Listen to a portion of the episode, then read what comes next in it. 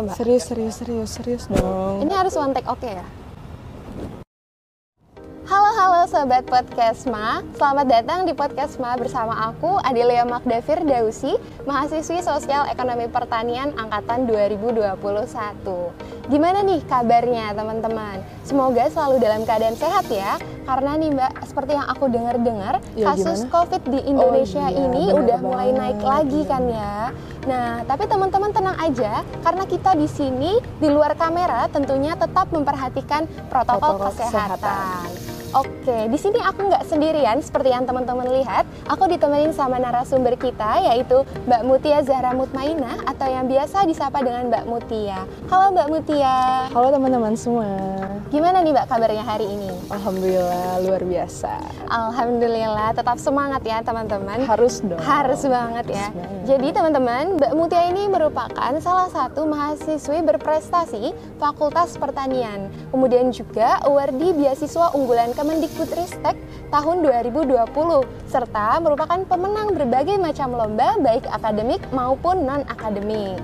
Nah, mungkin teman-teman sosek nih, terutama PKP dia udah nggak asing nih sama Mbak Mutia karena Ah, Mbak sih? Iya dong Mbak, udah sering lihat nih pasti karena Mbak Mutia ini uh, merupakan salah satu asisten praktikum di program studi penyuluhan dan komunikasi pertanian. Benar kan ya Mbak ya? Benar banget. Nah, kalau uh, teman-teman suka scroll Instagramnya PKP juga udah banyak banget nih foto-fotonya Mbak Mutia karena banyak banget juga lomba-lomba yang udah dimenangi. Enggak juga.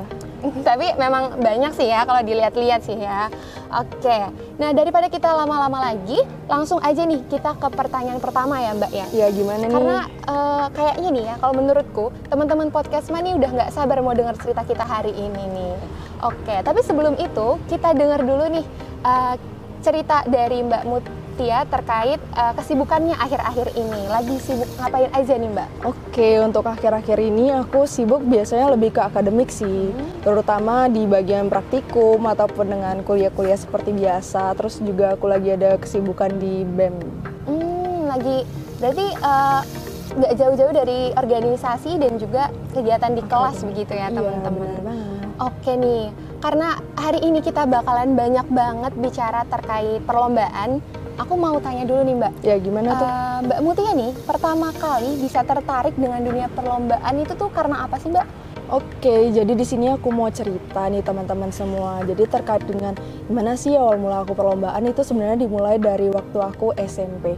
Nah, jadi kalau di SMP itu aku benar-benar yang kayak nggak tahu apa-apa, tapi ternyata itu menjadi motivasi aku ketika aku ada di SMA. Nah, di SMA aku memulai perlombaan itu dari yang namanya ada lomba cerdas cermat, empat pilar kebangsaan. Nah, dari sanalah aku dilatihkan bagaimana cara untuk public speaking, bagaimana cara untuk mengingat, untuk menghafal, untuk tampil di depan audiens dan sebagainya. Dan mulai dari perlombaan itu, aku juga akhirnya mengikuti perlombaan-perlombaan lain seperti dari olimpiade ataupun dari perkemahan ilmiah remaja nasional ataupun dari LCC Mahkamah Konstitusi dan sebagainya. Nah dari sana akhirnya aku bisa ngumpulin nih Magda beberapa sertifikat yang bisa menunjuk aku baik untuk yang untuk pengumuman pengumuman SNMPTN Ya. ataupun untuk perlombaan-perlombaan lainnya yang bisa diajukan sebagai persyaratan beasiswa di kuliah. Hmm. Nah mulai dari situ akhirnya aku bisa memulai perlombaan-perlombaan lain di perkuliahan. Itu Oh, seperti itu. Tuh, berarti awalnya tuh dari coba-coba, kemudian ada pelatihan-pelatihan sampai akhirnya uh, jadi keterusan nih ya Mbak untuk ikut Iya, lomba-lomba dan bener juga banget. bonusnya lagi sertifikat-sertifikatnya ini bisa dipakai untuk jalur masuk ke UGM ini dan juga Iya. beasiswa uh, Kemendikbud tadi ya tentunya. Iya benar banget. Oke, nah berarti kalau dari selama Mbak Mutia udah jadi mahasiswa di UGM nih Mbak, Iya, itu gimana? ada lomba apa aja sih Mbak yang diikutin? Oke, kalau dari yang di UGM itu sendiri sebenarnya kalau aku mulai perlombaan itu di semester 2 startnya. Nah, untuk di semester 2 ini sendiri, aku itu sebenarnya masih coba-coba karena apa? Karena awalnya kan aku masih basicnya di pertanian, terus mikir kayak, ih bisa nggak sih untuk ngikuti perlombaan tapi ranahnya tuh di bagian energi ataupun di bagian yang ke arah teknik ataupun di bagian ke arah kimia dan sebagainya. Dan ternyata di sana kebetulan ada perlombaan yang sebenarnya aku itu meminta uh, temanku yang lain untuk mengikuti lomba tersebut. Tetapi justru dia menyatakan bahwasanya ayo dicoba aja walaupun beda walaupun kan kita dari PKP ya dari penyuluhan. Nah da walaupun dari sana tetapi dicoba aja mana tahu itu bisa. Dan menjadi uh, suatu hal yang bisa mendorong kita untuk bisa lebih baik lagi terutama iya. bisa berani untuk tampil untuk mencoba dan sebagainya. Nah mulai dari situ akhirnya aku mencoba. Yang pertama kali itu adalah uh, salah satu perlombaan esai internasional yang diadakan oleh SRE. Nah, SRE itu sendiri merupakan suatu lembaga yang dari uh, ITB. Jadi itu khusus untuk tentang energi ataupun energi terbarukan dan lain sebagainya yang berkaitan dengan hal-hal yang uh, sifatnya sustainable seperti itu. Oke, uh, berarti untuk lomba-lombanya yang aku tahu dia Mbak, uh, kebanyakan itu kan karya tulis ya Mbak ya. Iya, Tapi tadi Mbak Mutia menyebutkan ada di bidang lain juga. Iya. Berarti iya. untuk perlombaan-perlombaan yang diikutin sama Mbak Mutia ini nggak cuma berfokus pada bidang yang dikuasai aja ya Mbak. Iya, benar. Tapi juga mencoba di uh, luar kemampuannya dari bidang yang dikuasai oleh Mbak Mutia sendiri. Iya. Oke, tapi itu juga bagus sih teman-teman karena kan kita jadi tahu uh, kapasitas kita terus juga jadi punya pengalaman baru juga kayak gitu.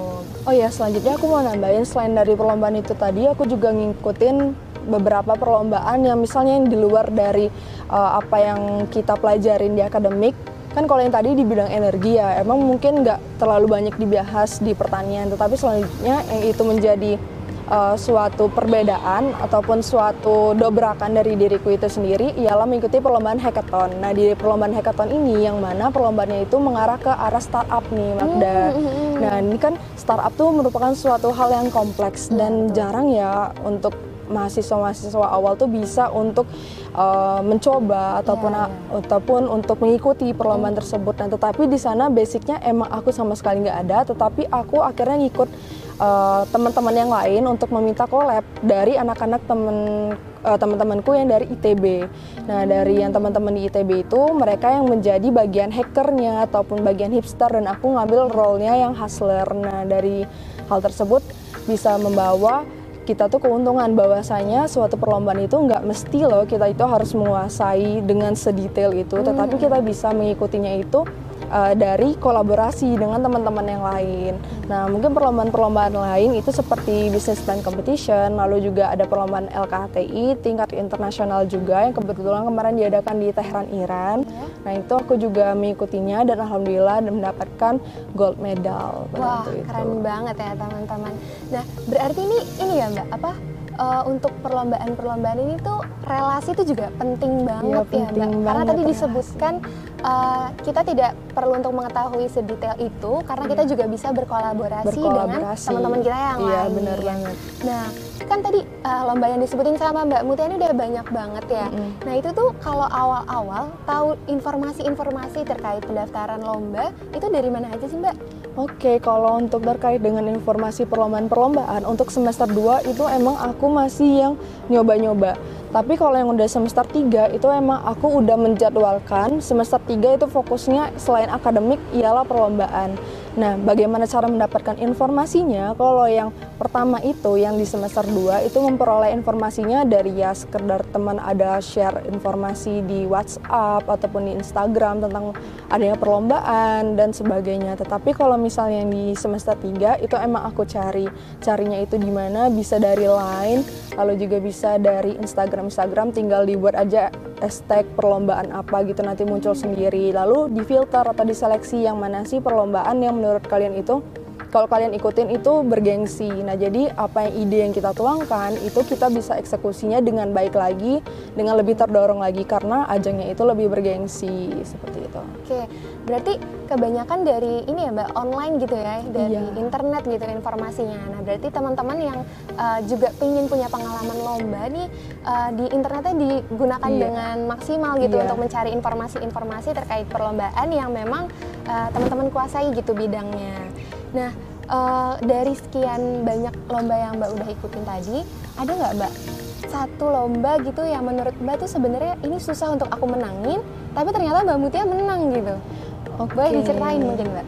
Jadi ini pengalaman yang sebenarnya tuh banyak perlombaan, tapi di sini ada sih satu yang benar-benar sangat luar biasa perjuangannya yaitu perlombaan yang pertama kalinya emang yaitu yang di International Youth Science uh, Competition SI di mana yang diselenggarakan oleh ITB tadi. Nah, di sini kan uh, esainya internasional dan memperebutkan piala Kementerian ESDM Republik Indonesia.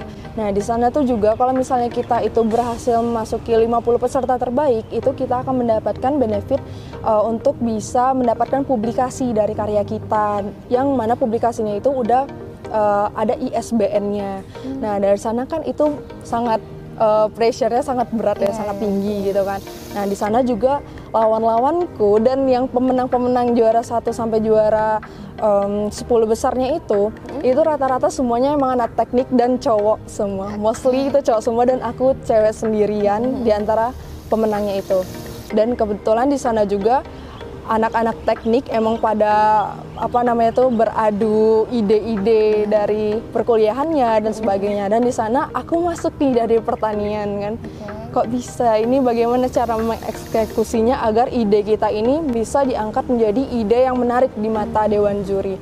Nah di situlah uh, aku tuh mengikuti ada namanya pelatihan sebelumnya bahwasanya membuat suatu esai yang baik atau sesuatu esai yang bisa membuka para juri itu kita nggak perlu fokus terlalu dalam ke hal yang teknis. Okay. Tetapi di sini kita bisa mengangkat hal-hal yang berbau ke arah kepenulisan. Bagaimana cara kita membuat suatu uh, tulisan kita itu seakan-akan berbicara seperti okay. itu Magda.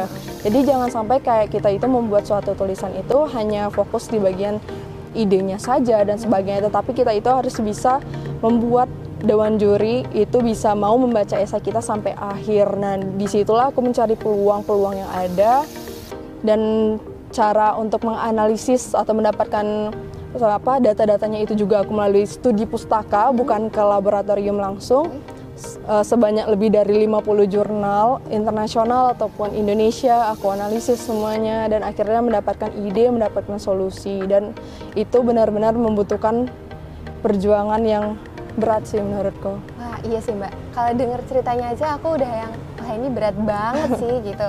Tapi uh, berarti ini ya mbak, kalau tadi itu berarti intinya jangan terlalu fokus sama ide utama ya mungkin boleh tapi hmm. kita juga harus bisa tahu nih gimana caranya supaya karya kita uh, bisa bikin juri penasaran ya, gitu sampai bisa harus baca sampai uh, akhir iya gitu harus ya. cari apa namanya itu peluang-peluang lainnya iya karena kan banyak ya mbak kayak kalau karya tulis yang di depannya terlalu uh, banyak istilahnya uh, basa-basi begitu uh, jadinya bikin juri juga udah males duluan untuk baca sampai akhir benar banget hmm, hmm, hmm. oke okay. nah kalau dari lomba-lomba yang mbak ikutin nih misalnya mbak mau ikut lomba gitu masih ada perasaan nervous gitu nggak mbak atau okay. karena memang sudah sering gitu jadi santai aja nih Oke, okay, jadi sebenarnya perasaan nervous itu manusiawi ya. Iya, benar. Mungkin kalau untuk misalnya di bagian presentasi itu di awal mungkin ada rada deg-degan tetapi intinya dan kuncinya adalah kita itu harus menguasai apa yang kita tulis kita harus menguasai apa yang kita tuangkan idenya kita harus menguasai pertanyaan-pertanyaan apa yang kira-kira bakal muncul ke kita. Nah, di situ nanti nervous kita semakin berkurang karena apa? Karena kita semakin percaya diri. Oke. Seperti itu. Berarti itu juga salah satu cara dari Mbak Muti ya untuk yeah. mengatasi nervous ya, Mbak, supaya bisa lebih percaya diri lagi. Iya, nah, benar. Itu berarti kuncinya tuh kita harus menguasai nih apa yang kita lombakan istilahnya kayak iya. gitulah ya mbak ya supaya kita nggak bingung kalau misalnya ada juri yang bertanya ataupun mm -hmm. uh, audiens lain yang bertanya terkait hasil karya kita mm. gitu itu Terus, juga uh -uh. berlaku untuk di perlombaan yang tingkat tinggi berarti ya mbak iya benar hmm. banget jadi kita itu biasakan juga untuk sering latihan. Misalnya nih udah lolos ke tahapan final nah itu sering latihan. Misalnya ajak teman yang lain yang lebih kritis untuk bisa latihan tanya jawab ataupun bisa di depan cermin ya kalau misalnya nggak ada yang bisa membantu gitu. Nah Oke, berarti banyak latihan itu juga kunci ya teman-teman untuk bisa uh, jadi juara gitu di perlombaan. Nah Mbak, selain yang tadi udah disebutin ya Mbak ya dengan menguasai ide kita, terus juga latihan gitu banyak-banyak latihan, ada nggak Mbak uh, tips and trick atau strategi tertentu yang Mbak Mutia uh, lakuin gitu kalau lagi ikut perlombaan? Mungkin bisa nih diceritain ke teman-teman supaya bisa diterapin juga. Gitu. Oke, okay, jadi kalau tips and trick mengikuti perlombaan, kalau aku kan fokusnya emang ke arah yang essay gitu kan atau ke penulisan seperti itu. Itu fokusnya yang pertama adalah carilah suatu ide yang menarik, yang unik tapi realistis. Nah, jadi jangan mengikuti suatu perlombaan dengan kita menerapkan suatu ide yang itu udah mainstream ataupun sebelumnya itu udah dibahas. Buatlah sedikit perubahan. Misalnya kita membahas tentang A. Nah, jangan sampai A yang ada ini ini udah pernah dibahas di kalangan banyak atau pernah dibahas di akademisi dan sebagainya. Carilah alternatif lain yang membuat suatu subjek kita ini menjadi sedikit berbeda. Sedikit saja nggak apa-apa asalkan kita itu bisa mengelola dari ide tersebut menjadi hal yang um, baru ataupun hal yang realistis hmm. yang dibaca oleh para juri ataupun dari teman-teman lomba yang lainnya. Hmm, gitu. Berarti uh, ini ya Mbak harus bisa apa ya punya ide yang inovatif ya, gitu ya. Fresh. Tapi intinya harus tetap uh, masuk akal iya, gitu. Fresh, Oke, gitu yang orisinil. Tips and triknya berarti harus orisinil juga ya. Iya. Nah, Terus Mbak, tadi kan udah diceritain ya Mbak, kalau misal sebelum UTS tadi Mbak Mutia ini asisten praktikum gitu. Iya. Terus juga sekarang praktikumnya juga udah banyak banget nih Mbak. Nah, terus juga lomba-lomba yang Mbak Mutia ikutin ini kan memerlukan kajian pustaka seperti membaca puluhan jurnal gitu. Itu tuh gimana sih Mbak untuk membagi waktunya supaya kegiatan akademik dengan kegiatan perlombaan ini bisa balance gitu? Oke, nah jadi di sini aku ada tips nih untuk teman-teman sekalian. Jadi bagaimana sih cara kita balance antara akademik sama perlombaan. Nah, jadi kalau kita ingin melakukan perlombaan, utamakan kita itu harus setting goals dari awal masuk semester. Nah, dari adanya awal masuk semester itu nanti kita setting goals dulu mengikuti perlombaan di bulan-bulan berapa, di tanggal-tanggal berapa. Nah, dari situ nanti kita akan tahu nih kapan-kapan aja waktu kita itu harus fokus ke lomba, kapan aja kita itu emang harus fokus kembali ke akademik. Nah, selanjutnya seperti teman-teman yang tahu ya di sini kan ada namanya itu uh, setting untuk waktu atau manage uh, time management yang baik kan. Nah, di sini aku sendiri bisa menggunakan Google Calendar tapi biasanya aku menggunakan Notion, aplikasi hmm, Notion. Nah, di situ teman-teman semua bisa atur jadwal dan juga membuat adanya suatu pengingat dan sebagainya. Nah, itu memudahkan kita untuk bisa membalanskan antara waktu akademik ataupun waktu perlombaan. Hmm, okay. Nah, lalu selanjutnya juga bagaimana sih caranya untuk balance? Ya berarti kita harus sadar dengan diri kita sendiri nih, dengan kondisi kita kan, kemampuan karena kita, uh, dengan kemampuan kita. Jangan sampai kita mengikuti perlombaan yang justru menambah beban di kita. Hmm. Nah, kita tuh harus mengikuti perlombaannya itu dengan hati yang lapang. Nanti agar ide yang kita tuangkan itu fresh, hmm. juga bisa membuat idenya itu lebih kreatif dan sebagainya. Oke, berarti ini memang udah disetting dari awal semester gitu ya Mbak. Terus untuk perencanaannya juga memang harus serinci itu. Iya, Bukan cuma menandai uh, tanggal-tanggal lombanya aja gitu, tapi iya. juga tanggal-tanggal persiapan perlombaannya. Nah, terus juga yang terakhir tadi itu uh, kita mengikuti uh, perlombaan yang bikin kita tuh happy supaya iya. jalaninnya juga enjoy dan tidak iya, merasa bener. terbebani iya, gitu ya Mbak ya. Oke nih. Nah kita sampai di pertanyaan terakhir nih teman-teman. Oh udah di pertanyaan terakhir? Udah mbak. Tapi sebenarnya ini bukan pertanyaan sih. Lebih ke pesan aja nih. Pesan oh, untuk teman-teman okay. podcast ma dari Mbak Mutia nih terkait perlombaan ataupun prestasi. Kira-kira ada pesan apa nih mbak? Oke, okay. halo teman-teman semuanya. Di sini aku izin untuk menyampaikan pesan dariku sendiri kepada teman-teman sekalian di sini. Yang pertama ialah jangan pernah takut untuk memulai perlombaan, karena kan kebanyakan di sini takut ya untuk mulai karena merasa aku nggak bisa ini, aku nggak bisa itu, aku nggak ada passionnya di sini dan sebagainya. Nah di situ dengan ketakutan ataupun keraguan itu justru menyurutkan niat ya, tuh Magda. Nah di sini pesan-pesanku terhadap teman-teman sekalian ialah berani mencoba. Lalu yang kedua adalah carilah perlombaan yang bisa membuat kalian itu lebih terpacu lagi. Jangan perlombaan yang terlalu basic. Emang nggak apa-apa sih kalau misalnya ngikuti perlombaan yang basic itu kan bisa menjadi latihan-latihan awal kan. Nah, tapi nanti lanjut lagi ke selanjutnya carilah perlombaan yang emang bisa membuat diri kalian itu lebih berkembang lagi. Bagaimana caranya untuk uh, memecahkan permasalahan-permasalahan baru dan juga menerapkan solusi-solusi baru yang sebelumnya itu nggak kita temui nih di perkuliahan. Mungkin itu aja deh pesan dari Oke, berarti teman-teman harus berani untuk keluar dari zona nyaman gitu ya. Iya, bener ya? banget. Nah, oke, okay. super keren banget ya teman-teman Mbak Mutia ini. Terus kita semua juga jadi tahu nih strategi, terus juga tips and trick dalam menghadapi perlombaan dan juga pembagian waktunya nih tadi supaya si uh, kesibukan di akademik dan juga perlombaan ini bisa balance. Iya, bisa seimbang. Mm-mm. Oke, terima kasih banyak ya Mbak Mutia Iya, karena udah terima kasih mau juga. meluangkan waktunya memberikan informasi yang super keren, super menarik dan insya Allah bermanfaat buat teman-teman. Iya, semoga di rumah. bermanfaat. Iya, bener banget. Dan semoga aku pribadi dan juga teman-teman podcast Mani bisa ikut nyusul Mbak Mutia jadi Oke, mahasiswa amin. berprestasinya Faperta UGM Amin. gitu. Ntar tanya-tanya aja kalau misalnya Hmm, ada iya. teman-teman sekalian ingin nanya-nanya, itu bisa DM aku di @mutiazr ataupun bisa kontak aku secara WA dan lain sebagainya. Iya betul banget. Mbak Mutia ini super ini teman-teman Eh, apa ya terbuka gitu loh kalau untuk teman-teman mau tanya-tanya terkait apa pun gitu dan Iya. sangat dibantu oleh Mbak Mutia. Iya, Oke. jadi jangan takut. Mm-mm, benar banget. Oke Mbak, semoga ke depannya Mbak Mutia selalu sehat, terus Amin. juga perkuliahannya dilancarkan ya Mbak ya. Dan tentunya aku mau ngucapin terima kasih banyak nih untuk teman-teman pendengar setiap podcast Ma karena sudah mendengarkan podcastnya dari awal sampai akhir. Mungkin itu aja untuk episode podcast Ma hari ini. Saya Adelia Magda Firdausi pamit undur diri. Terima kasih.